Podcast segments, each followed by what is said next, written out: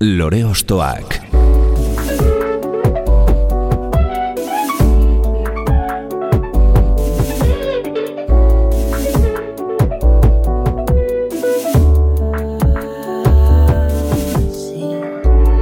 Ekain perezek aurkeztuta, gonbidatu bakoitza lore bat balitz bezala ostokatuko dugu. Jakiteko, zeintzuk diren bere lore ostoak. Haupa, zer moduz, ongietorri lore ostoakera. Askotan aipatu izan dugu tradizioari traizio egitearen kontua, herri baten kultura ez adin izan soilik testu inguru temporal konkretu baten oihartzuna. Garapen edo bide horretan, aliatu bat gehiago du euskal musikak, eta konkretuki trikiti edo hobeto da panderoaren esparruak. Izan ere, kepa junkeraren sorginak taldean du jatorria, gerora zazpiko moduan aurkeztu zitzaigun proiektu berritzaile honek. Emakumearen ahalduntzea erdigunean jarrita, hau, lore ostoak da, eta gaurko gure lorea, neomak.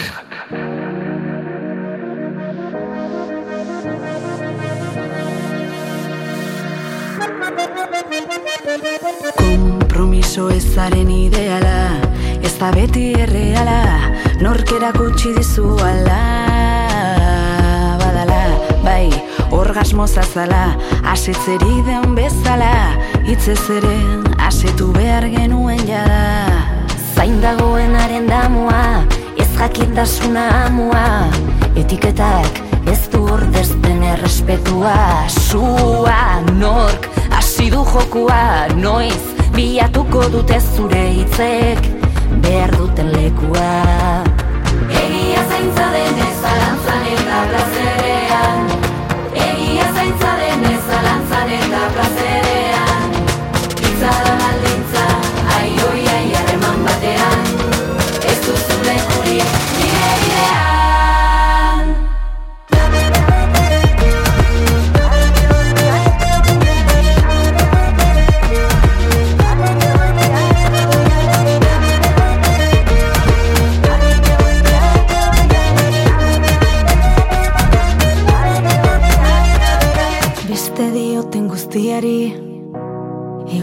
Beti ainadi Aztuzko ginen hori Eta entzun ongi. Ardura zorbaitzaio inoizoea Epeldu dizunari. Aizepena, azepena Ez da bihurtu zitekeena. Ez zara nenetzat onena Nine unaizelako aurrena. Pena, pena, pena, pena Dena, dena, dena, dena Pena dena da dena izan nahi eta isiltzen zenuela dena. Egia zaintza denez zalantzan eta plazerean. Egia zaintza denez zalantzan eta plazerean. Itzada baldintza, ai oi ai harreman batean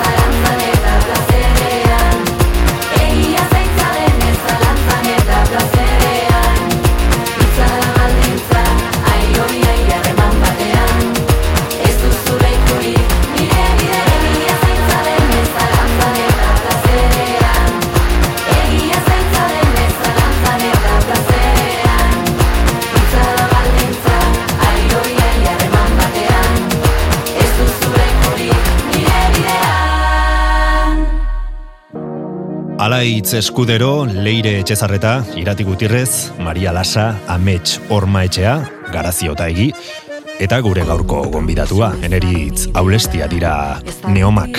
Hainbeste zarete ezakidala norbait aipatua utzi dudan. Denak esan dituzu. bai, bueno, poste naiz, eneritz ongietorri lore ostak. Kaixo, eskerrik asko, zen plazerra. 2008ko estanda honekin, aio iai izenekoarekin, e, bat baino gehiago zurreta lur utzi duzue bai kantuagatik, eta baita bideoklipagatik, gustura egongo zarete maitzarekin, ez?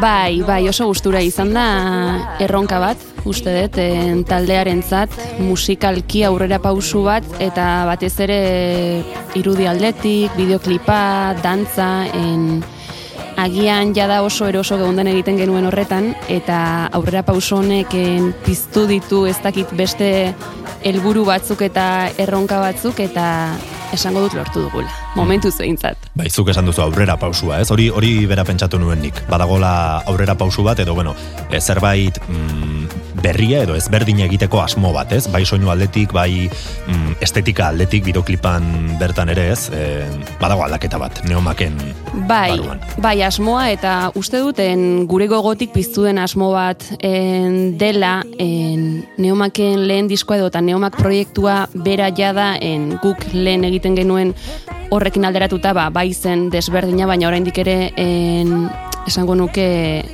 gehiengoan edo tradizioa gaien zen zela, en, gure itxuran, instrumentu aldetik ere gehiago entzuten ziren agian trikitiak, en, panderoak, en, ahotsek ez zuten ba, ba ezakit horrelako mm, autotunerik edo efekturik edo zerbait en, tradizionalagoa zen, eta eta kantu honetan ba ba horixe gehiago esperimentatu nahi izan dugu eta guri gustatzen zaiguna ere gehitu ez? En askotan dakit zalantza hori ere izaten da en tradizioari bueno zuk, zuk esan duzu sarreran ez? En tradizioari traizio. Egin beharrote zaion edo ez batzuken gatazka horretan sartzen dira en gure uste apalean behintzat guztiz egin behar zaio tradizioari traizio en, Zentzurik onenean. zentzurik onenean, esan nahi duten tradizioa apurtu gabe, baina guk gaur egun ez gara hori bakarrik, eta eta orduan hori da gure asmoa kantu honetan uste duten gauza batzuk gehitu dizkiogula gure tradizioari, eta agian gure tradizio propioa sortzeko modua ere badela, tradizioa eta oraina eta zer izan nahi dugun, eta bidorretan jarraitzeko asmoa dugu bai. Hitza da baldintza, diozue bertan. Dantza musikan ez da ohikoena, baina zuek baduzue hitzekin erreibindikazio edo e, gogoetarako konpromesu hori ez da. Bai, eta agian en, hitzen asuntoa edo letren kontua izaten da izaten da zaiena. Eta gehiago en, zazpi izan da taldean, esan nahi dut. En, iruditzen zait abestien letrek en, abestien letrak baldintzatuta daudela zu zauden unearen arabera, ez? Zerbait izitzen ari zarenean, ba, ziurrenik aterako zaizu zerbait idazte edo beste zerbait, klaro. Guken normalean zazpiron artean egiten dugu dena. En, letrak ez ditugu zazpiron artean idazten, baina bai izazten dugu gai bat. Eta lendabizi kantua etorri zen, en, kantu hau sortzeko modua ere desberdina izan da, en, beno, aurreko lehenengo diskoa Jimbo Paez ekoizlearekin egin dugu, eta baita kantu hau ere, baina normalean berari en, zirriborro bat eman zaio, eta gero berarekin landu dugu zirriborro hori. Kasu honetan, en, estribioa pentsatuta genuen, en, zerbait komertzialagoa nahi genuen, beste ritmo batean, aioiai sartuta, tradizioaren puntua, ba, porrusaldetan abesten den aioiai hori, baina ez genuen beste zer, eta berak proposatu zigun elkartu, eta bueno, akorde batzuken zehaztu genituen, eta improvisatzen hasi ginen banaka. Orduan estrofa guztiak improvisa, improvisazioak dira. Hortaz, en lehendabizi melodia eta kantua genuen eta gero erabaki hartzen zein izango zen landu nahi genuen gaia eta zertaz hitz egingo genuen. Hor, en, uste dut badugula joera bat, en, maitasuna bestiak eta asko gustatzen zaizkigu, baina gero norberari hori idazteak lotxa ematen dio. Edo eta pentsatzen dugu, nola jatzekut berriro ere maitasuna besti bat, edo. Eta ardura afektiboaren gaia, uste duten gure artean askotan hitz egin izan dugula, eta eta agian gizartean orain kontzienteagoak, kontzienteagoak ere bagarela zer den hori, ez? Zer den ardura afektiboa izanen bikota harreman batean, izan familia harreman batean, lanean, harreman mota guztietan, eta hortaz, hortaz esan genuen, bagian hau da gaia, eta gero nola idatzi. Eta bueno, kostatu zitzaigun, baina uste duten ulertzen dela, interpretaziorako bideare ematen duela bakoitzak ulertu dezala berak nahi duen moduan, baina bueno, hitza dela baldintza eta gauza guztiak komunikatu eta esan egin behar direla. Hori da mezua behintzat. Eta gainera oso modu mm, freskoan nola baita esateko egiten duzu, ez askotan eh, ez da bakarrik zer esaten duzun, baizik eta nola, ez? E, sonoridade aldetik eta e, ez mm, kursi geratzeko edo, bueno, ez? Hori da, hori da, en, bai, askotan pentsatzen da, en, zein da gakoa kursi ez geratzeko, ulertu dadin, baina, ez dakit, baina ez oso, mm, ezakit, bruskoa edo Bai. oso zakarrak izan gabe, eta uste dut gakoa naturaltasunean dagoela, baina noski naturalak izatea ere ez da erraza. E, batez ere bilatzen duzunean, ez? E, Horregatik. nolabait, mm, zerbait sortu nahi horretan, ba, naturalizatea ez da hain erresa, ez? bai, bai, baina Nik bueno, esango bi- nuke lortu duzuela. eskerrik asko. Eta bakoitzak ze zati em, abestu edo hori nola erabakitzen duzue? Ez zait bat ere erresa Ez da eh, erraza. iruditzen. Ez da erraza, gainera, en, egia da, aspalditik ezagutzen garen ez ditugu patroi batzuk oso markatuta, eta, eta ba ez dakiten, zati bat, pixka bat agudo baldin bada, ba ez dakizeinek egingo du. Hmm, Ahotsaren tesitura. Bai, ahotsaren tesituren arabera, edo ohituta gaudenaren arabera, Bai. eta kantu honetan, en, ez zati guztietan, baina horri ere buelta eman diogu apurtxo bat. En, bueno, gurekin kantua lantzen egon ziren es- esan ziguten, beti egiten duzute ba, altua, eneritzek eta ametxek, bajua, en, leirek, en, zati bat dago hor pixka bat rapeatuagoa edo dena, eta hori adibidez taldeko lasaienak edo tal, lotxatienak egiten du, eta guk en hasieran ez genuke esango hori Mariak egingo lukenik, eta azkenean Mariak egin du orduan, horrekin ere hori ere izan da erronka bat, ba, pixka baten horrekin austea, eta ba, ez zuk probatu hau, zuk probatu hau, eta uste dut funtzionatzen duela. Mhm. Beno, aurrerago izango dugu beta neomaken unibertsoa esploratzeko, baino asteko eneritza ulestiaren lore ostoak ezagutu nahi ditugu. Lore ostoak. Gonbidatu bakoitza lore bat balitz bezala ostokatuko dugu.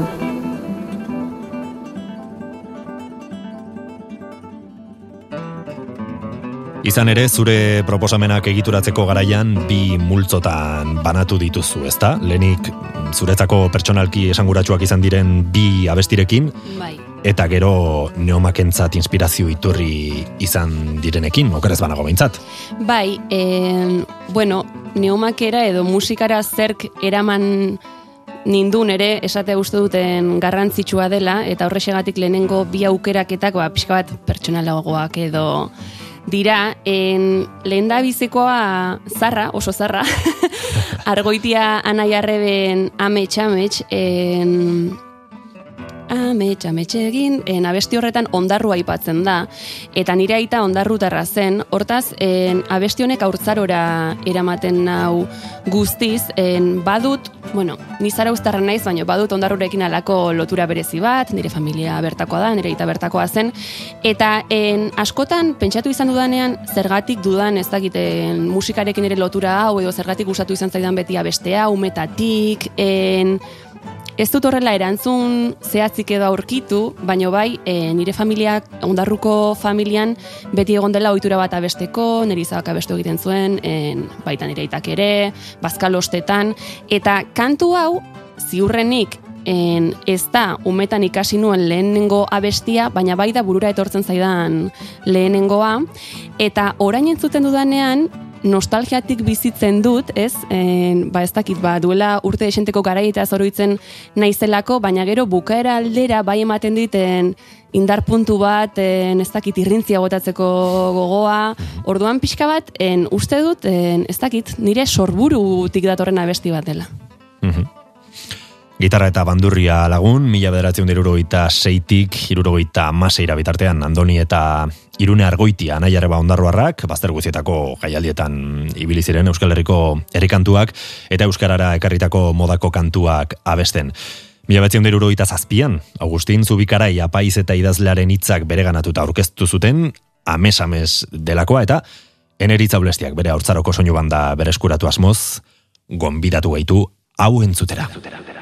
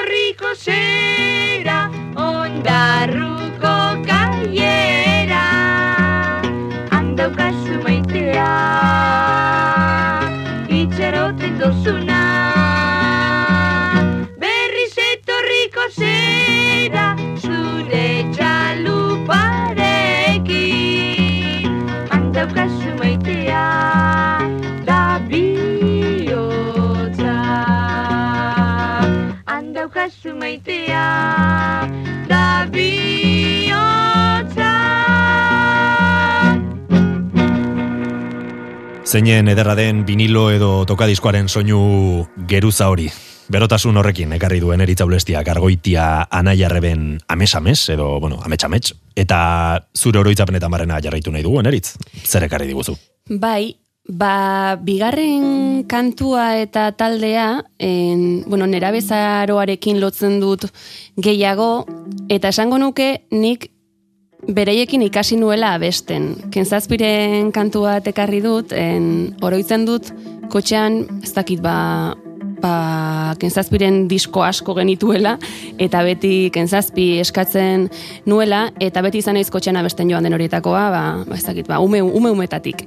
Eta gertatzen zitzaidan, kentzazpirekin, en, enauten tonua, enauten ahotsa, ez zitzaidala ongi geratzen niri abesteko. Aha. Eta egiten nintzen aserretu. Ezin dut abestu, ezin dut abestu. Frustrazioa. Bai, frustrazioa.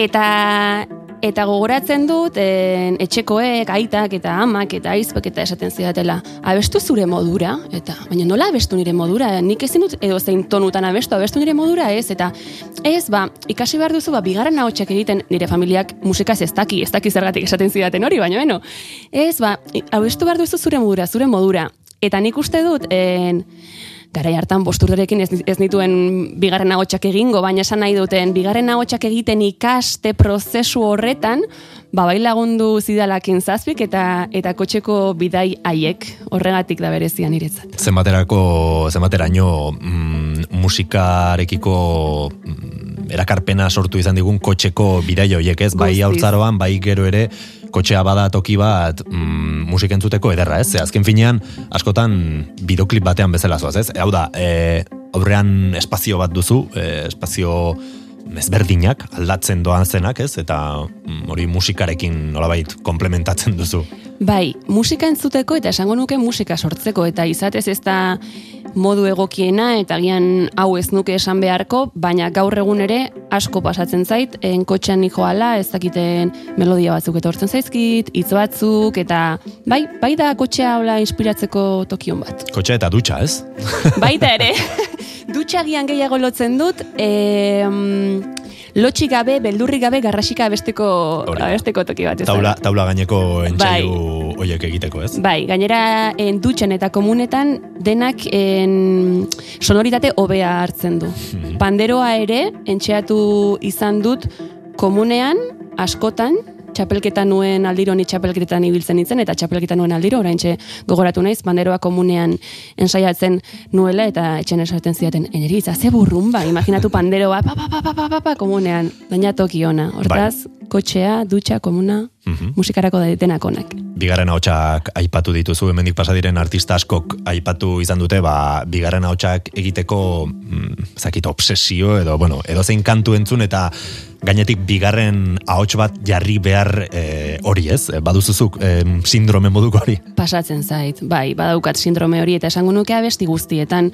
Ez dakit, ez dakit zergatik egia esan, en, esan dut hasi nintzela bigarren ahotsak egiten edo edo egiten ikasten en, ba, kasu honetan inauten tonu ez hitzaidalako ongi etortzen neri, baina gaur egun en, abestek entzuten ditudanean, naiz eta tonu hori ongi datorkidan, egia da beti saiatzen naizela beste ahots bat egiten, kantua apaintzen, Agien ez dakit, irudikatzen dugu pertsona horrekin abesten edo ari garela eta zerbait berezia egin nahi izaten dugu. Mhm, Sorkuntza barruan duzun Bai. seinalez. Beno, baina haute lorrieta gazte baten ahotsarekin elkartuko gara beraz, 2000 bateko kentzazpiren atzo da bihar estreinu lanetik ere serki hau entzuteko. Zenbat minim.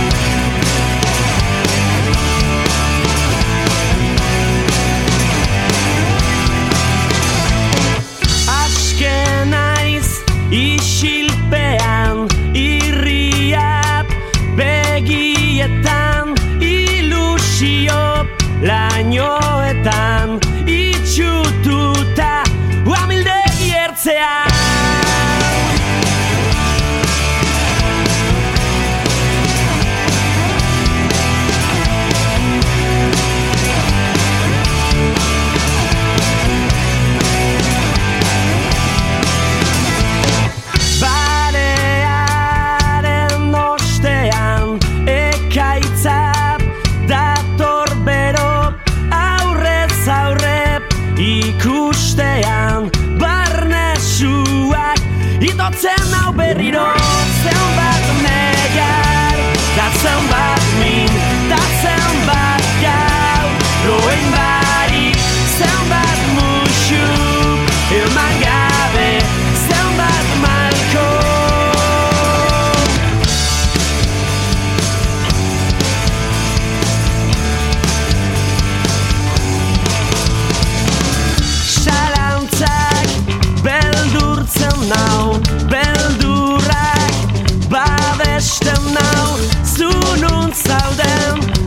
pentsatzeak Saminduta gorrotos betetzen nau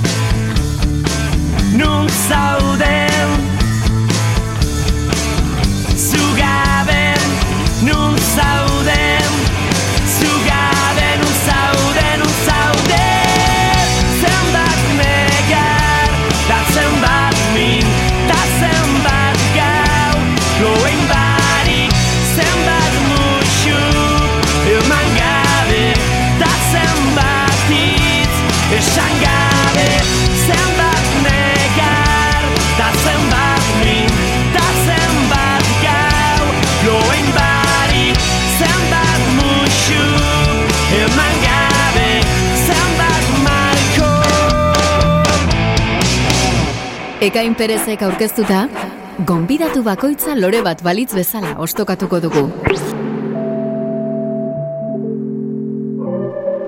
Txikitxuterik aiteke-tamak Baian indaude lombradu Estudioak irakatziten Salamankara biraldu Salamankatin etorrenean Eta jenen dun pensatu. Estudiante tunante baino Oban hauela eskondu Ja eskondu nintzan eskondu Baien jatan da mutu. Frakabaltzetan ari zurien Sekuletxatan faltatu. Frakabaltzetan ari zurien Sekuletxatan faltatu. Opa, Mauritzia! Mauriziaren ahotsa biluzik ekarri diguzuen eritz. Zergatik. Bai, en, bueno, azken urteetan, bai aipatu izan dugu eta uste duten gehien bat trikitilari emakumeek eta pandero jole emakumeek aipatu izan dugula, Maurizia izan dela beti gure erreferentea. Beti esan dut, baina ohartu naiz, azken, ba ezagit, azken pare bat urteetan edo, ohartu naiz guken ez dugu laumetatik jakin zeintzen, zeintzen Maurizia. Eta, eta orain denok dugu oso presente, baina pena ematen dit horrek. En, ez dakit nik zazpi urte nituenetik jotzen dut panderoa, en, panderoa ikastera joan baino lehen jada jalen kalean jotzen nuen, trekitilariekin, Eta nik ez nekien zintzen Maurizia, eta agian en, zazpi urterekin Maurizia entzun izan banu, ba ez dakit, gauzak beste modu batera biziko nituzke edo referente bat izango nuke ze, ze izan ditugun referenteen gehiengoa gizonezkoak izan dira. Hortaz, en, bai, hausnarketa hori egin dut azken azken urteetan eta uste dut en, oso ondo dagoela gaur egungo erreferentetzat eukitzea, baina tristura edo pena ematen diten aurretik ez ezagutzea. Eta gero, en, kantu hau zergatik txikitsuterik. En, orain entzuten dut, eta kostatzen zait letrarekin ez aserretzea edo letran ez fijatzea, ez? En, guk oraindik ere kantu hau abesten dugu, en, kepa junkerarekin sorginak moduan hasi ginenean ere berarekin abesten genuen, eta eta mantentzen dugun kantuetako bat da, melodia ikaragarri gustatzen zaigulako eta Mauriziari keinu bat egin nahi diogulako baita ere.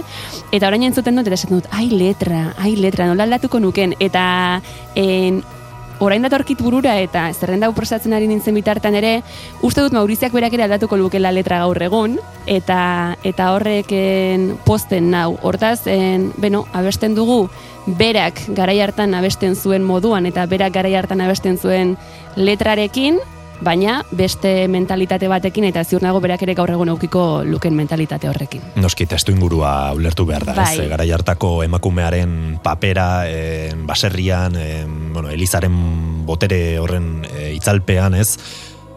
Oinarri horretatik sortutako hitza da, azken finean, ez? Bai, bai, eta beno, en, itzalpetik, baina bera etzen oso itzalpean egon, hortaz hor ere ez, en, bazi joan zerbait erakusten, nik uste dut. Mhm.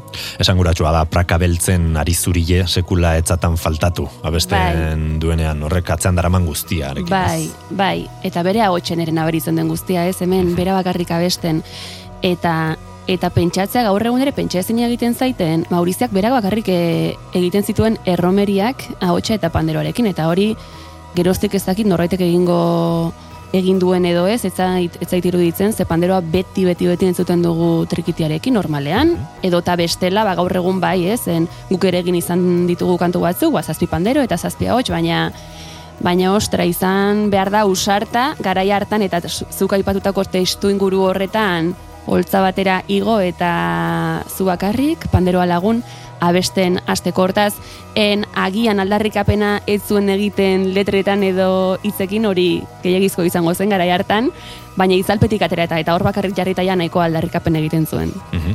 Eta gainera abesteko modu horrekin, ez? Em, hau da, mikrori gabe abesteko ohitura horrekin. Mm, aizeari abestuz eta hortik dator indar hori, ez? E, abesteko modu hori edo intentsitate em, berezi hori. Bai, da besteko oso oso modu desberdinak, gero nik uste dut en, trikitian ere mantendu izan dena, eh? En, entzuten ditugun, ez dakit, pieza zarragoetan edo, beti izan da joera hori, ez? En, garrasika bestearena, en, tonuak desente altu hartzearena, agian sudurretik edo nasala, nasalago abesteko joera hori, hori mantendu da, eta ziurrenik hemen dator. Dultzainaren soinuarekin Bai, mimetizatuz zabian, ez? Hor e, beti hitz egiten da, ba, ahotsak, e, ezberdinak edo enpastatzearen kontua, eta bueno, ba, hortik ere joan daiteke nahi gabe bada ere, edo, bueno, nahita, ezakit, baino... e, Bai, azken finean ahotsa beti da beste musika tresna bat, beste instrumentu bat, eta kasu honetan, ba, ba bai, begira. Mhm. Bai, konparaketa hona egin duzu. Zema gustatzen zaidan, aupa Maurizia, e, oiukatzen duen bakoitzan, horrek transmititzen Berak bere duen, buruari hori da. Gaur egun, ez dakit, ez genuke, ez dakit, ez zait buruan sartzen hori egingo genuke nik. Nik behintzat ez dut inoiz egin, agian egiten hasi beharko dugu gure kontzertuetan eta erromerietan, baina, baina egia da, berak bere buruari eta zergatik ez, noski baiez, hori egin beharko genuke egunero.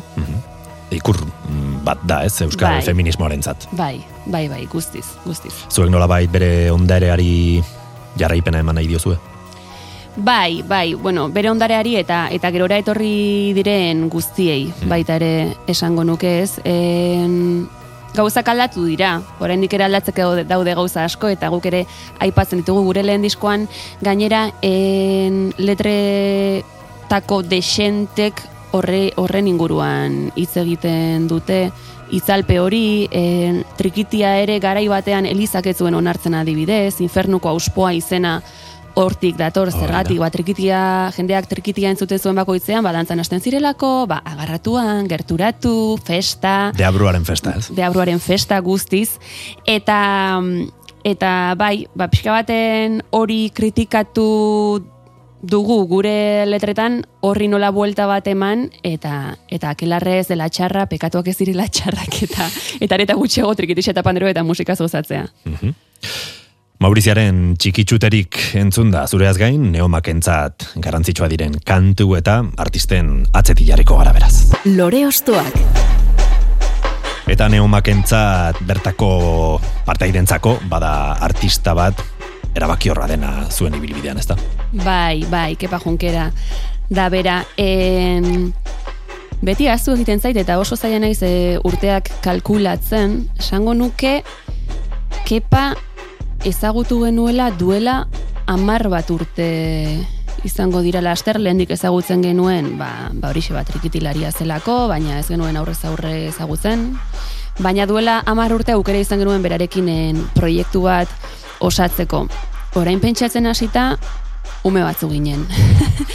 Guzazpi gara, ni naiz en, helduena, nire kasuan bilbora joan nintzen bizitzera urte hartan, unibertsitatean hasten nintzelako, emezortzi urte bete gabe izango nituen oraindik ere, eta eta orduan ezagutu nuen, eta en, zazpietatik gaztenak amairu urte zituen. En, gu garai hartan, ez dakit, e, guretzat izan zen izugarria kepa ezagutzea, eta gero proposamen hori jasotzea, ez, en, berarekin proiektu hau egitea, baina ez dakit guztiz kontziente ginen zer ari ginen egiten. E, disko bat baino gehiago, en, birak, nazioartetik, penintxulan barna, ikasi genuen asko, asko eta asko, en, esango nuke gaur egun musikan dugun heldutasun puntua edota edota oholtzan lasai egoteko ba ez dakit gaitasun hori eta gauza asko berarekin ikasi genituela. En, berarekin ikasitakoak desikasten ere ari gara, ze noski artista bakoitza modu batekoa da eta eta zura adinaren arabera ere gauzak modu batera edo bestera erakutsi eta bizi nahi, nahi dituzu, baina bai dela en, neomakentzat ba ez dakiten sustraia edo edo oinarria, ez? E, gu lehendik ezagutzen ginen, ze zazpirok ibili izan gara beti trikititxa txapelketetan, baina berak elkartu gintun, e, berak jarri zion taldeari sorginak izena, eta urte oso oso oso oso bereziak izan dira. Hortaz, en, Kepa Junkeraren abesti bat ekarri dizuet, Joakintxu eta Karakol, kalejira bat da, berarekin atera genuen lehenen diskoaren izena da Trikitixaren historia txiki bat, eta bertan beraken omenaldi moduko bat egiten die ba, ba trikitilari bueno, zaharrei edo edo bai en, beste belaunaldi batzuetako trikitilariei eta kalejira hau zazpiroi izugarri gustatzen zaigu. En, ausartuko nintzateke esatera inoiz entzun dugun kalejirari politena dela. Alaxe sentitzen dugulako. Eta guk gaur egun ere gure kontzertua hasten dugu en, alako popurri moduko batekin eta kalejira hau ere bertan dago hortazen neomaken musika zerrendan edo play zerrendan ba, ezinbestekoa da guztiz. Lehen biluzik entzun dugun Mauriziaren ahotsa e, bertan, bueno, ez bere ahotsa zuek zeure ganatzen duzu ahots hori eta hitzaren zati bat abesten duzu bertan. Hori da, hori da, bai. En, azkenean disko horretan, bueno, Jo- Joakintxu eta Karakol ere trikitilariak izan ziren, Maurizia, La, Jalandakanda, Epelde, en, hor zerrenda luze bat zuen berak eh, omendu nahi zitu, zituenen artean, li, disko liburu bat atera zuen, eta bai, abesti honetan en, Mauriziari ere keinu egiten diogu, baina gu geuk. Mhm, e, beraz kantu honek asko sintetizatzen du zuek gaur egun zaretenaren e, jatorria zentzu guztietan, ez? E, Kepa Junkera, Maurizia, e, ikur asko juntatzen dira hor. Bai, bai. Mhm. Nola izan zen bestela e, Kepa Junkerarekin lan egitea? Mm, estudioko prozesu hori, e, bueno, aipatu duzu kontzertuak, ze, esan bezala unibertsitatera joan ziren urte horretan, baina hau bai izan zela unibertsitate musikal bat, ez? E, Guztiz, e, eta nire lehenengo lana esango dut, en gogoratzen naizen urte hartan asmoa nuela udan lanean, lana egiteko, ez da gizar, eta azkenan hau izan zen gure lehenengo lana, en, agian ez genuen horrela bizitzen, ze, bueno, ez gen, ez dago ere zertan horrela bizi beharrik, ez lan bat bezala, ba, gure zazan Eta oso gaztea aukera, zineten. bai, aukera zoragarri bat, eta mm, agian bizi izan genuen apurtxo bat inozentziatik, ez dakit, gaur egun pasatu ezkero nik uste duten okerrago ez genuen pasatuko noski, baina agianen urduriago egongo ginen, edo konstienteago, bai, ez? kontzienteago izango ginen, eta izan zen pixka bat, ba, noran arama izeak, ba, ba, ba, binga, ba, grabatu behar da disko bat, disko bat, kantu bat, kantu bat, en, kontzertua Galizian, Galizian, Danimarkaragoaz ara, Danimarkaragoaz. Eta, eta da, izan da esperientzia oso, oso, oso aberats bat. Lehen esan dudan moduan, gauza pila bat ikasi genituen, arlo profesionalean edo musikalean noski, baina baita pertsonalean ere, eta uste duten gutariko asko edota edota denak zazpirak en, heldutu garela asko proiektu proiektu hauekin. Eta nola iritsi zineten puntu horretara, ipatu duzu lehenago e, trikitixa eta pandero txapelketetan ibilio izinetela denok, baino nola bildu zintuzteten e, sorginak izeneko talde horretan? Berak, en, nik uste Kepa Junkera berak zuela mm, oso argi en, bere urrengo proiektuan emakume pandero joleak eta gazteak eta nahi zituela. Joera hori esango nuke Galiziatik edo datorrela, en Galizian adufeiras de salitre adibidez, eta bueno, badaude talde batzuk eta badaude musikari batzuk beti ere en, emakumeen talde batekin en, abesten dutenak, oso oso talde eta hots potenteak dira, en, ba imaginatu, ba, agian zazpi baino gehiago, agian amabi, amabi emakume panderoa jotzen abesten, Galiziarri duten indarrarekin gainera.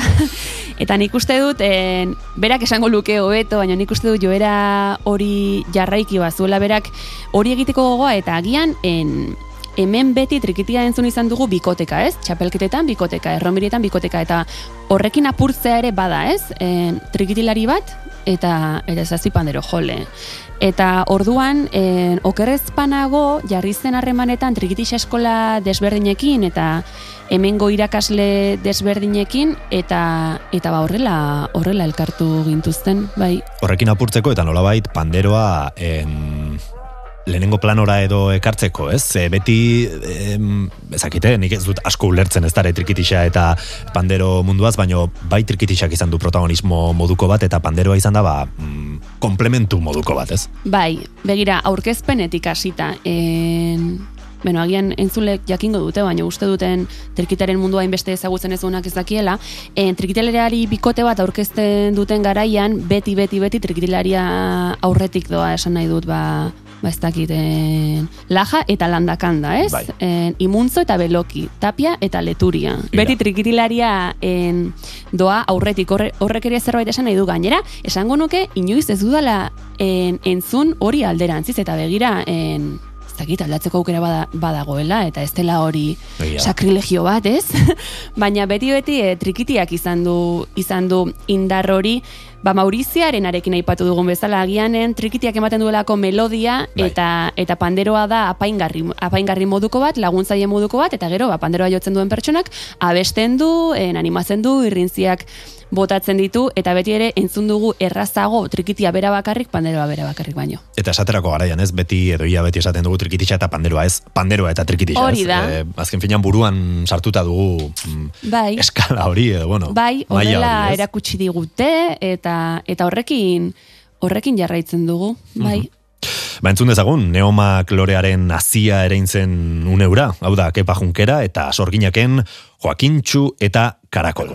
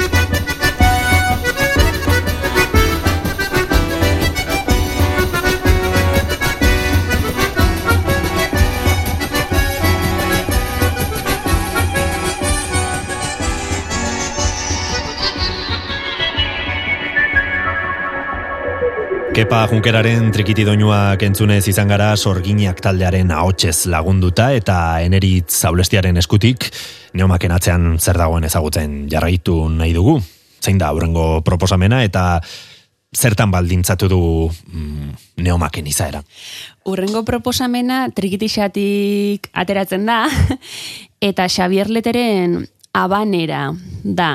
Vale. En, ez dakit neomak zerbaitetan baldintzatu duen, ba agian, begira, esatera ninduan ez ez, baina agian bai, agian gure artean dagoen giroan, gure artean dagoen laguntasunean. Abesti hau, en, bueno, Xavier Leteren abesti baino ja da herrikoia edo bihurtu dena, ez? Da. lotzen dut asko bai, gure elkartasunarekin, gure laguntasunarekin, en, esango nuke zazpiro dakigula besti hau goitik bera letra osorik, eta bazkal oste kotxeko bidai, beti bukatzen dugu abesti hau kantatzen. Gurezat ez dakite himno moduko bat edo esango nuke dela, eta horregatik da berezia en, askotan pasatzen zaigu ez. Goazena bestera, ze bestuko dugu ez dakiz zer, eta beti abanera, eta abanera, goitik bera, en, ahotsak egiten, bakoitzak badakia zer egin behar duen. Hortaz, bai, bai, da, da pixka bat gure, gure himnoa, eta oraintxe hartu nahi zortaz, baina bai, agian da, aizpatasun, elkartasun, laguntasun, nera bultzatzen gaituen abesti bat. Zuzenekoan abestu duzuen, ez bai? Ez, ez dugu abestu begira.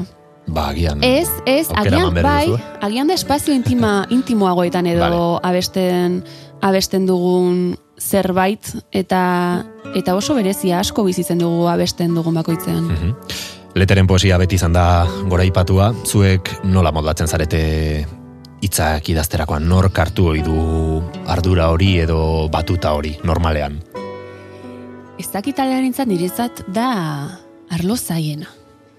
Bai, Asko esan ohi dute, eh? beste artista batzuek ez, ze, mm, agian puntu hau izan ohi da ba, gustukoena ere, baino artista askorentzat bai izan ohi da ezakit oztopo bat, baino bai mm, lanketa zail bat, ez?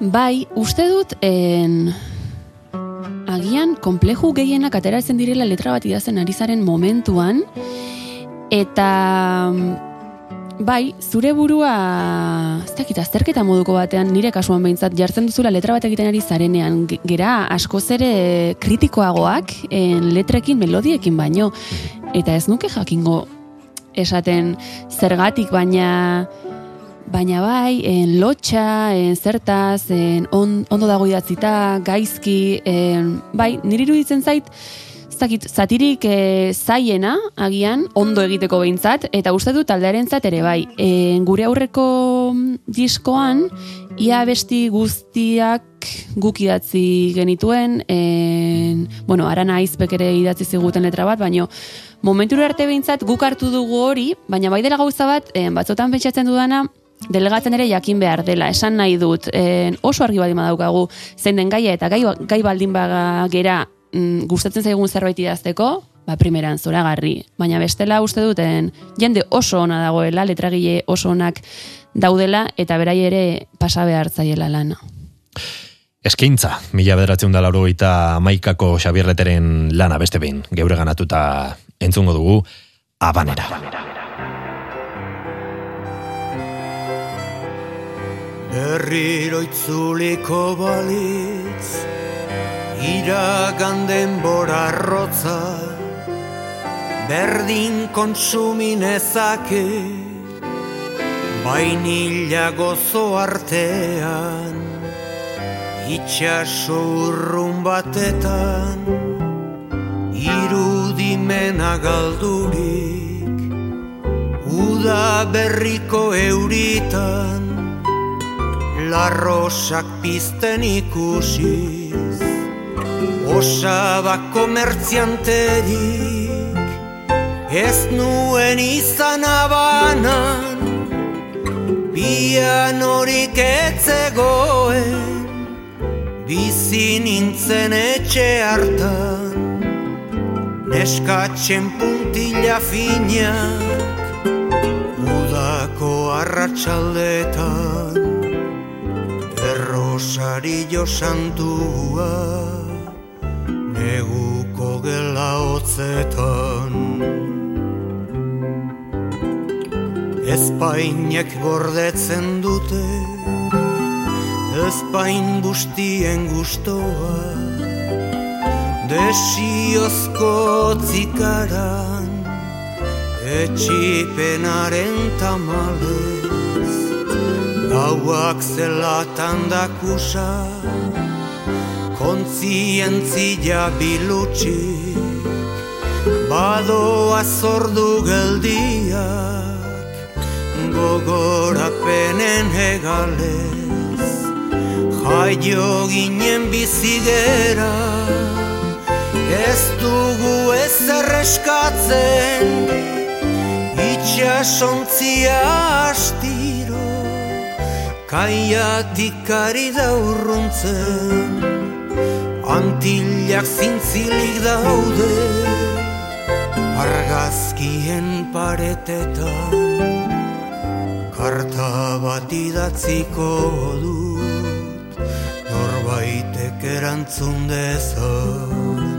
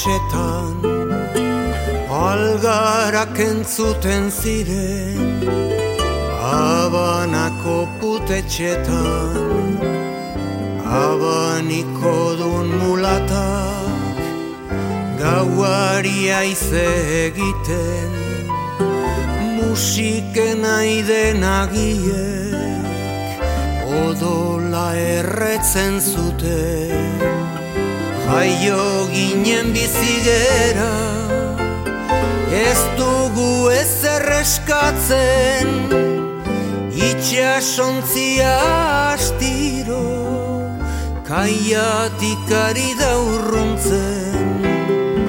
Antillak zintzilik daude Argazkien paretetan Karta bat idatziko du Norbaitek erantzun dezan.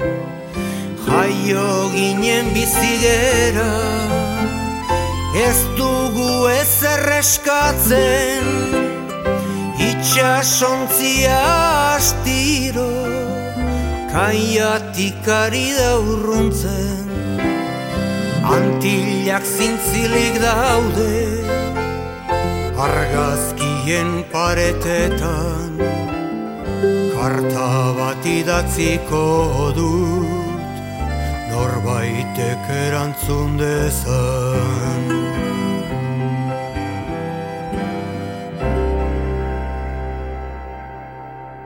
Ekain berezek aurkeztuta, gonbidatu bakoitza lore bat balitz bezala ostokatuko dugu.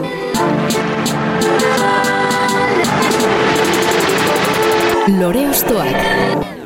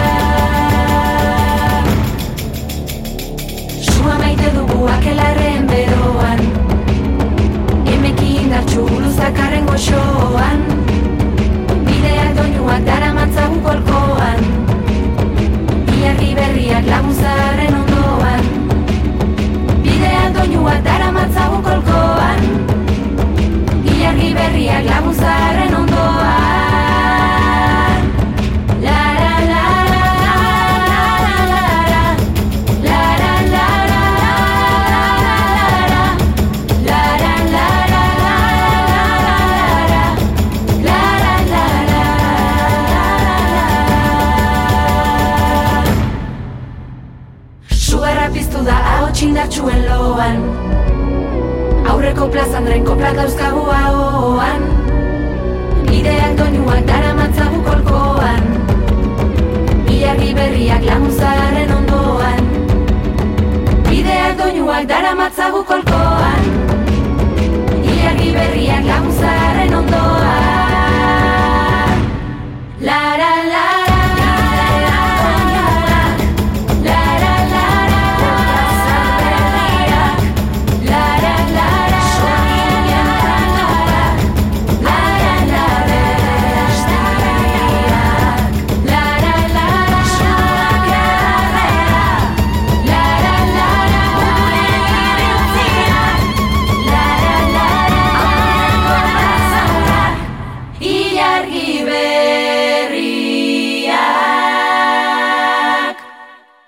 Ilargi berriak neomaken estreinu laneko kantu mistikoaren doinuak dira atzetik dauzkagun hauek. 2008an eman zenuten diskoa aurkezteko pausua, eta horrekin batera zer esana eman zenuten hasieratik. Nola edo nortzuei otu zitzaizuen sorginekeko parteide batzuk elkartuta talde berri bat osatu zenezaketela. Ba, Kepa Junkerarekin geldialdia izan gerunetik eta eta proiektu hori bukatu zen unetik en, beno, gu agian musika talde bat baino lehenago lagunak gara edo eta jarraitzen genuen ba harremana izaten egiten genituen gure bazkariak, gure afariak, bakoitzak noski ba bere bidea zuen eta bere gauzak zituen, baina beno, oraindik ere harremanetan jarraitzen genuen eta eta beno, badira urtean zer egiten diren trikitixa jaialdi batzuk, en, izan Nafarroakoa, en San Josetako trikitixa jaialdia, bueno, jaialdi batzuk egin hori izan dira eta horietako baterako gonbidapena jaso genuen. En, Esango nuke bazirela ja da ez dakit babi bat urte edo elkarrekin ezertxo ere egin gabe holtza baten gainean eta gonbida pena jaso genuen, proposamena jaso genuen, ba, jaialdian, jaialdi batean, Nafarroko trikitisa jaialdian parte hartzeko. Eta baiezkoa berehala eman genuen, e, ba, ba, go- gogoz ginen, hori hori egiteko. Eta eta ba ezertxo ere, en, hiru abesti prestatu genituen eta eta joan ginen eta hor nik uste dut en, ez dakit, sugarra edo pizen hasi zela eta eta jo zergatik ez dugu egiten zerbait ez? Eta hori baino lehen justu en, bueno, neomakeko hiru pertsona irukide arrasatearrak dira eta arrasaten beste kontzertu moduko bat egiteko proposamena egin ziguten.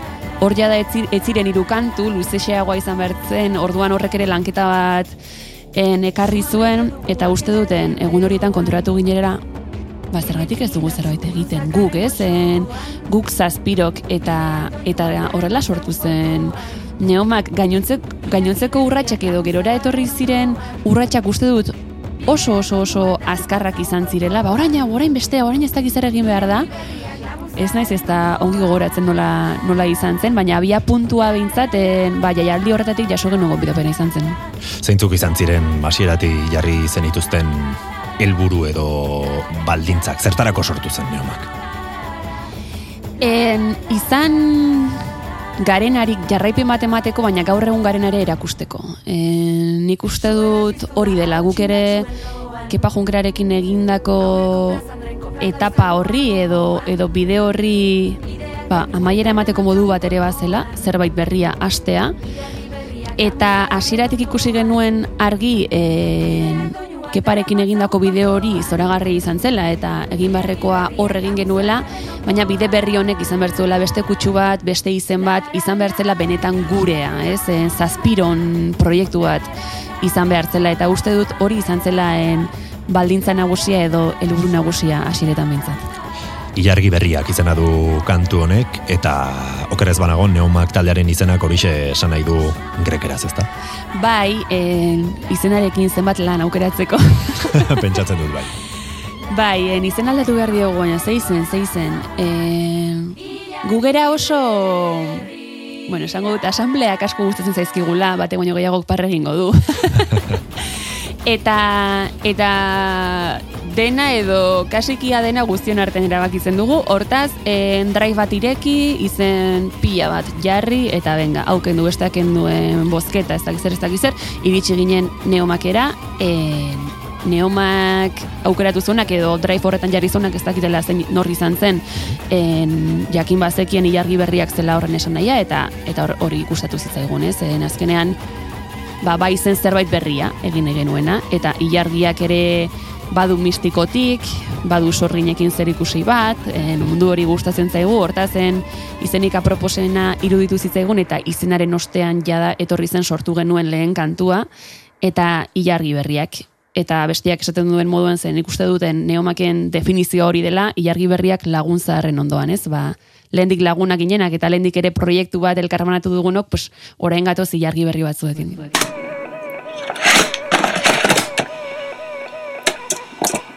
Lore Ostoak.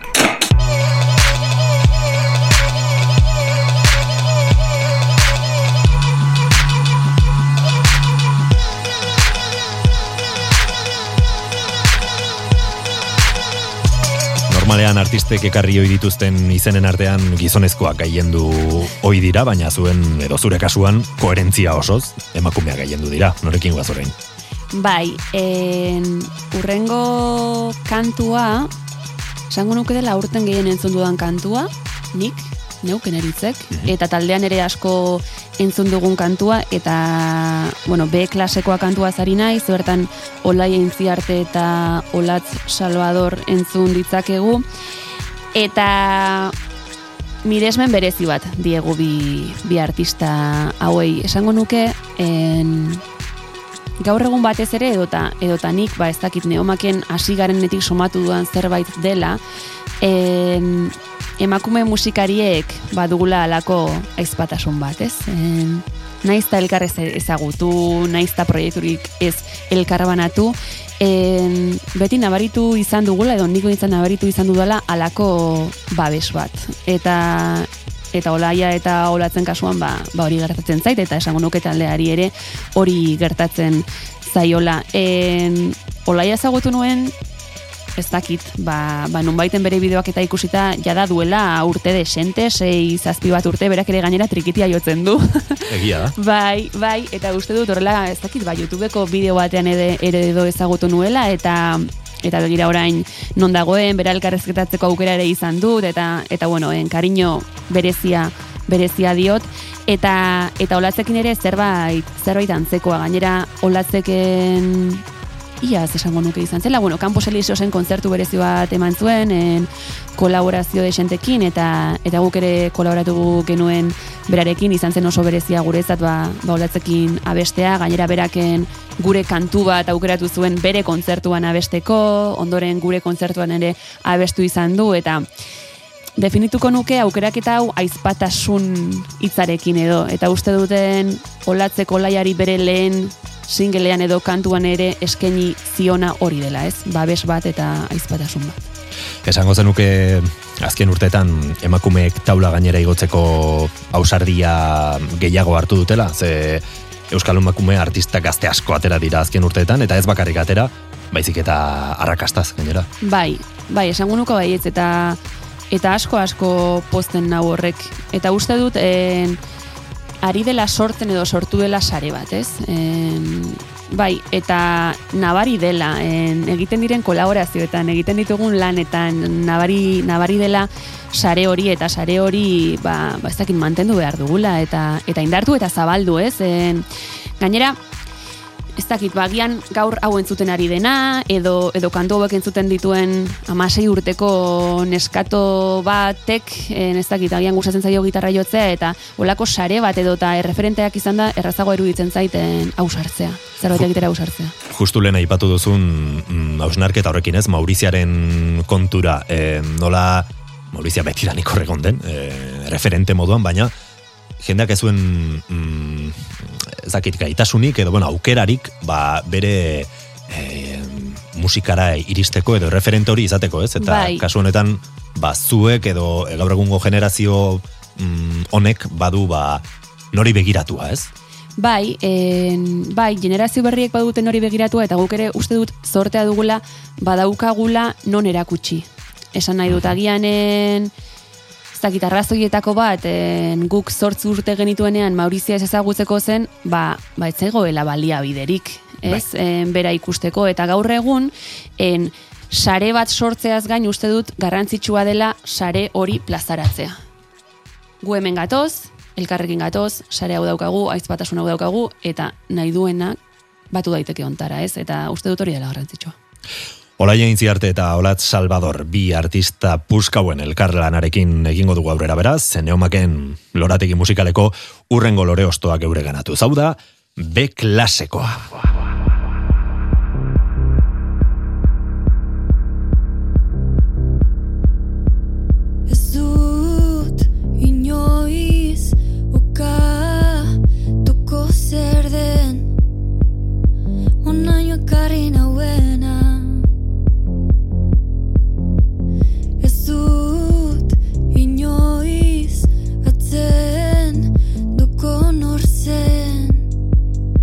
Engarutzan induen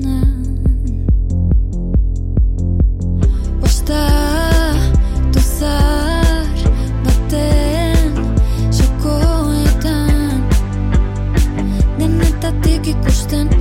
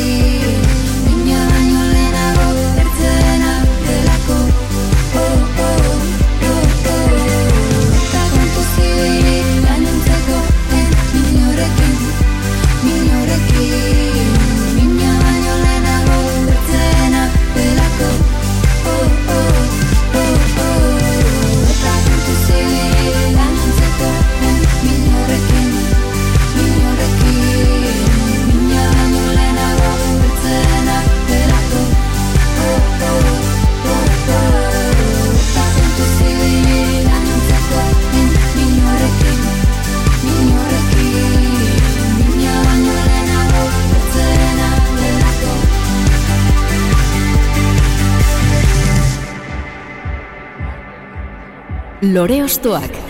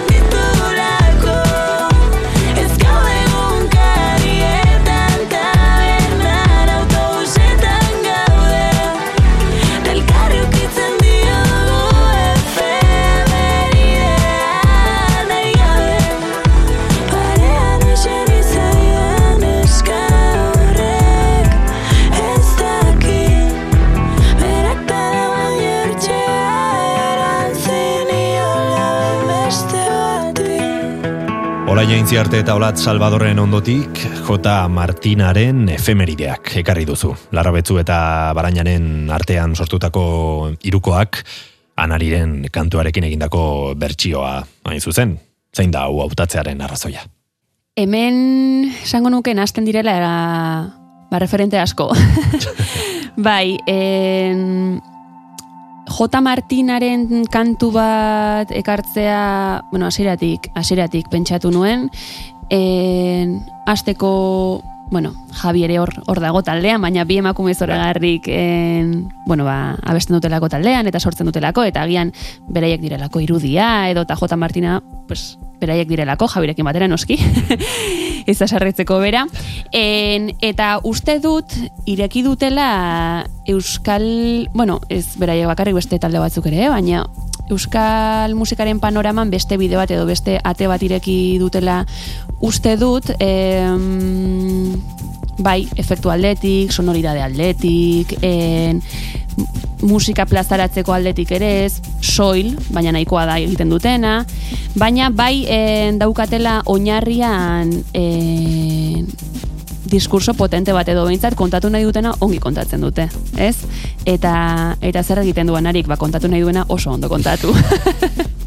Bai. Hortaz hemen en, bateratzen da pixka bat, pixka bat dena en, J. Martinaren efemerideaken bertsioa, en, anariren efemerideak kantutik lehen hitzen inguruan hitz egin dugu, letrak, en, aipatu dut agian zaiena hori dela, ba, ba guk denok nahi dugu izan anari. Anariren ez da gauza Bai, izango, ez? ez, ez da izango berarentzat. Hori hori zaiena hortaz, uste dute kantu honek eh, ba ez dakit uztarketa brutal bat duela eta eta bai, eta gainera ba, ba bueno, hiru emakume aipatzen ditugu gainera eta gero en J Martina neomakentzat ere berezia da, ze beno, Victoria Eugenian en martxoan kontzertu bat eman genuen, kontzertu oso berezia guretzaten ba, izugarria zen. Victoria Eugenian e, kontzertu bat eman ahal izatea eta eta kolaborazio batzuk lotu genituen eta tartean J. Martinako irukotea etorri zitzaigun gurekin abestera, gainera en, kontu zaharrak abestian e, ba, beno, parte hartzeko proposatu genien eta beraieken intro moduko bat egin zuten, beraien erara, en, mimo handiz, kariño handiarekin eta izan zen oso oso oso polita. Mhm. Hauek tradiziotik ez, baina austuratik bai ez. Mm, Nolabait generazio berri baten mm, soinua izan daitezke ez? Bai, bai, esango nuke bai ez, ez, e, J. Martina, Merina, bai, en, iruditzen zait bide berri bat, zabaldu dutela, ate berri bat, en, agian musika sentitzeko modu berri bat, eta horrekin batera musika egiteko modu berri bat, eta agian en, ez geunden ohituta euskal kantak en, horrelako soinuekin eta entzutera, edota edota kontatu nahi ditugun gauzak horrela kontatzera, eta bai, uste dut bai dela zerbait berritzailea, bide berri bazaldu dutela, eta atzetik badoazela gutxi batzuk. Mhm. Eta musikaz gain, lehen aipatu duzun mm, aizpatasun mm, elkarte horretako, ba, beste kide batzuk ez, e, emakumearen mm, ahalduntzari begira, nolabait. Bai, bai, en, aipatu dudan Vitoria Eugeniako kontzertu horretako sentsazioa ere orain pentsatzen hasita hori hori datorkit burura, ez? Olatz, en, J. Martinakoak, en, Garazi etxaburu dantzaria, en, bai, aipatzen ari garen aizpatasuna, sarea, babesa, eta ze beharrezkoa den hori. Ekain perezek aurkeztuta, gonbidatu bakoitza lore bat balitz bezala ostokatuko dugu. Lore ostoak. Eneri Tzaulestia Neomak taldeko abeslari eta pandero joleetako bat gonbidatu dugu gurera eta ostoz-osto biluzteko azken proposamen bat eskatuko dizut. Bai, ba, azken proposamena en, orainarekin lotzen dut, guztiz, en, sua musika taldearen hormak apurtzea aukeratu dut, en, etorri berri gara Asiatik, Ego Korean eta Japonen biratxo bat egin dugu beraiekin, eta, beno, ez genituen, bai, ezagutzen genituen, e, kontzertu pare batetan kointzitu izan dugu, baina ez genituen asko ezagutzen eta izan da zoragarria, lehenik eta behin beraiek eh, pertsonalki ezagutzea eta gero talde, talde bezala en beraien kontzertuetan egotea eta kantu hau ekarri dut uste dudalako en, ez dakit bidaiaren soinu banda edo dela. Agian beraiek esango dute banean bakin kantu bat dela. Asiako biraren soinu banda baina niretzat edo eta guretzat behintzat neomakentzat behintzat kantu hau da ba, bidaiaren soinu banda eta aipatutako sare horrekin lotuta, horrekin en, jarraituko dut, en, bueno, uste dut taldeak izugarrizko indarra duela Julen Esteban ane janire, baina bai gaientzen direla bi erreginak. ane, ane eta janire en, ikusitan dituen, zuzene, zuzenekoetan behin baino gehiagotan, baina Japonen, bueno, asian geratu naiz, bali juratuta duten indarrarekin, gauzak nola kontatzen dituzten, nola mugitzen diren, eta eta horrela, esango nuke direla, ba ez dakit suako erreginakan eta eta ja nire eta honekin bukatu nahi nuen. Az esperientzia, ez? Bira, bidaia, talka kulturala eta dena, ez? E, Japoni, Japonia eta Ego Korea. bai, bai, pasada bat. En, bueno, azteko, amalau pertsona elkarrekin bideiatzea ere, esan nahi dut, en, Bai. hortik hasita, ez? En, bideia bat dugu, bire bat dugu amalau pertsona goaz, en besteak ez ditugu ezagutzen, hortik hasita ja, bai, bai da txoke bat. Eta gainera goaz, en, gizarte guztiz desberdin batera, en, beste hizkuntza bat, beste ohitura batzuk, izan da txoke, ba, ba horixe, txoke kultural izugarria, baina oso oso oso aberasgarria. Bai, bai pertsonalki eta baita profesionalki ere, en hainbat jaialditan jo dugu, en, bertako taldeak ezagutu ditugu, bertako musikariak, baita nazioarteko beste artista batzuk ere, eta iruditzen zait izan dela, ez dakit, ba, segundu oro ikasten egon garen bidai bat. Bapur ditzagun normak guk ere eta sua bizkaitaren 2008ko gorde genituen beldurrak diskoa irekita entzungo dugu, eneri Tzaulestia eta neomaken azken lore ostoa. Hormak apurtzea. Lau urma artean Ta ez urten Triste nabil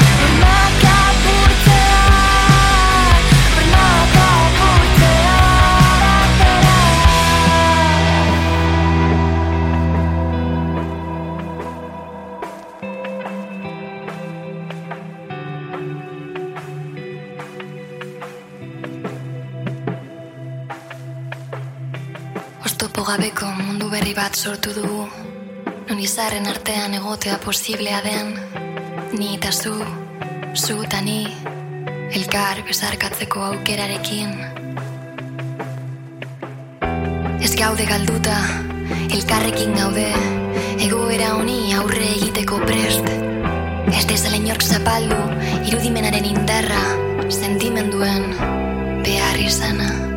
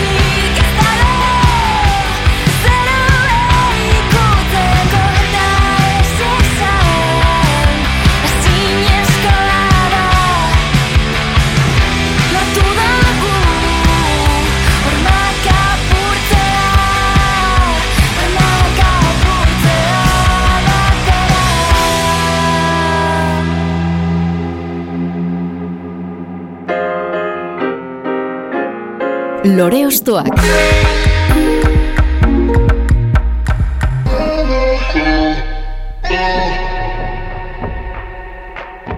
Elkarrekin lehiatzen ikusi nahi gaituzte baina aurkari izateko ez igintuzten baina ez ala hobe batzea beti elkarren aurka joatea baino ez ala hobe batzea beti elkarren aurka joatea baino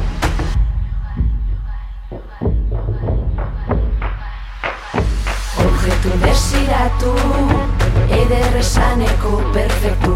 Baina doztik ez gara Desiradun sujetu. Guk badakigu noren desira Den zentroan ipini nahi duguna. Guk badakigu gure desira Dela zentroan jarri nahi duguna. Beste begirada Eraiki baldin bagaitu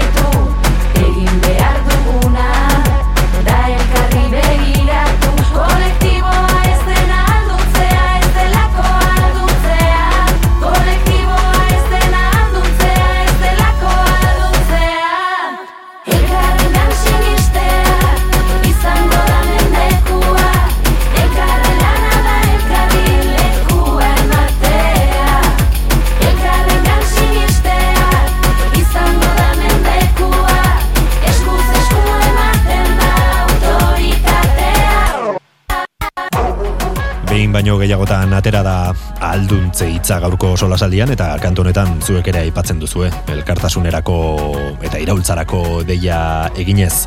Hogeita bat garen mendekua. Mende eta mendekuren arteko izjoko bat eginez aurkeztu zenuten kantu hau. Zer uri- irudikatzen du neomakentzat edo zer transmititu nahi duzue bertan. Ba, ba esan duzuna, alduntzea, izpatasuna, sare horien, bai. Eh, Ondo labur biltzen du, ez? Bai, Eh, bai, hori da, hori da. En, Hasiratik genuen argi gure diskoan, en, bueno, bai, beste, kantuan beste kantuetan ere mezuak en, igortzen goaz, baina mezu argi bat eh, igorri behar genuela eta eta hau ikusi genuen horretarako kantu aproposena, e, aldarrikapenak e, ipurdia mugitzen eta dantzan eta eta perreoan ere egin daitezkelako noski? Eta egin behar ditugulako. Eta kasu honetan en, arana aizbeken egin zuten letra eta eta ikaragarri gustatu zitzaigun eta pixka bat izaten da gure showa borobiltzeko eta bukatzeko kantua eta uste dut eh, akelarre baten modukoa dela, dela kantu edo guk horrela bizitzen dugula eta esango nuke edo atrebituko nintzake esatera gure publikoak ere horrela bizi duela. Eta zuen estetika, eh, arropak, zuzenekoetan egindako koreografiak eta bar, nola egin dituzue? Baduzue lantalde bat, zazpi partaide ez gain? Ez, ba, justu horretarako ez. E, sortez, desente ondo moldatzen gara. eta sortez, horretarako egintzat, zazpi pertsona gara. Hortaz, en, estilismoaren kontua, en, hasieratik pentsatu genuen zerbait eh, tradizionala jantzi behar genuela eta eta baita ere en, kontzerturo edo en holtza batera igotzen ginen aldiro edo edo publikora ateratzen ginen aldiro pixkaten look berbera edo erabili behar genuela ez? Eta eta uste dut ja jendeak lotzen gaituela. Horrekin esan nahi duten ikusten bagaituzten normal jantzita ziurrenik ez dakite zein garen eta baina maoizko galtzak jantzi eta alkandora zuria eta gauza urrezko gauzak eta eta ja badakite hortaz en, hori izan zen gure autua eta gero en, normalean tradizioa lotu hoi izan da mendiarekin, e, baserriko arroparekin eta ez hain gauza sofistikatuekin esango dut, ez? Eta eta areta gutxiago, ba ez dakiten ilea ez dakin nola eramaterekin edo eta supermakillatuta joatarekin, orduan hor ere en estetikan ere austura bat egin nahi izan genuen eta gure kontzertuetan, ba kontzertu oro en horrela janzten gara, horrela horrazten gara, makillatzen gara, en hasieran ez egun horren ondo ateratzen, agian begiko raia, orain ja bai. elkarri elkarri lagunduz eta bai, hori izan da, hori izan da gure apostu eta esango nuke en estetika zaintzaren apostu horrekin ere jarrituko dugula. Diskoaren azalean ere hori irudikatu nahi izan duzu, ez? Bai, diskoaren eh, azaleko emakumea da Shelly, arrasateko emakume bat, bera dantza irakaslea da, eta azala pentsatzen ari ginenean, eh, zarra eta berriaren uztarketa bat egin egin nuen, ba, ba musikarekin egin dugun moduan, en, hitzetan ere hori kontatzen dugu, gure estetikan orduan diskoak ere horrelako zerbait en, esan behar zuen. Hortaz, en, pentsatu genuen zergatik ez jarrien emakume heldu bat, ez? bere zimurrekin, ze zimurrak oso politak dira, bere zimurrekin, bere en, ile zuriarekin, baina gure gaur egungo elementuekin, ez? Ba, guk erabiltzen ditugunen urrezko apaingarriak, en, tatuajeak, eta eta horixe da egin genuena. Gainera, en, azala begiratzen baduzue, badirudi xeli bera biluzik dagoela, ez da bera bere osotasunean natural zoragarri eta gero gehitu genizkion ba gure gure gaur egungo gauzak edo gu zer garen, ez? Eta eta hori da pixka bat beti esaten duguna neomake oinarrian duela zer ginen, en, erakusten duela zer garen eta helburu duela zer izan nahi duen edo. Eta zer espero dezakegu aurrerantzean neomaketaz? Ba, asteko lanean, lanean jarraitzea eta hasi genuen hildo hor- horretan jarraitza baino agianen aioei azkenengo kantuan emandako aurrera pausoekin eta beste aurrera pauso batzuekin erronka berriak finkatu eta eta horien bila joatea noski ez ditugu alde batera utziko trikitia eta panderoa eta gure melodia zarrak eta hortik gatozelako azkenean hori delako gure oinarria baina esperimentatzeko gogoa dukagu gauza berriak sartzeko gogoa en, guk gaur egun garen hori ere gehitzeko gogoa gure gure proiektuari eta eta bai batez ere en, guk musika nola bizitzen dugun edo eta guk e, trikiti eta panderoa nola bizi nahi ditugun erakusteko erakusteko gogoa.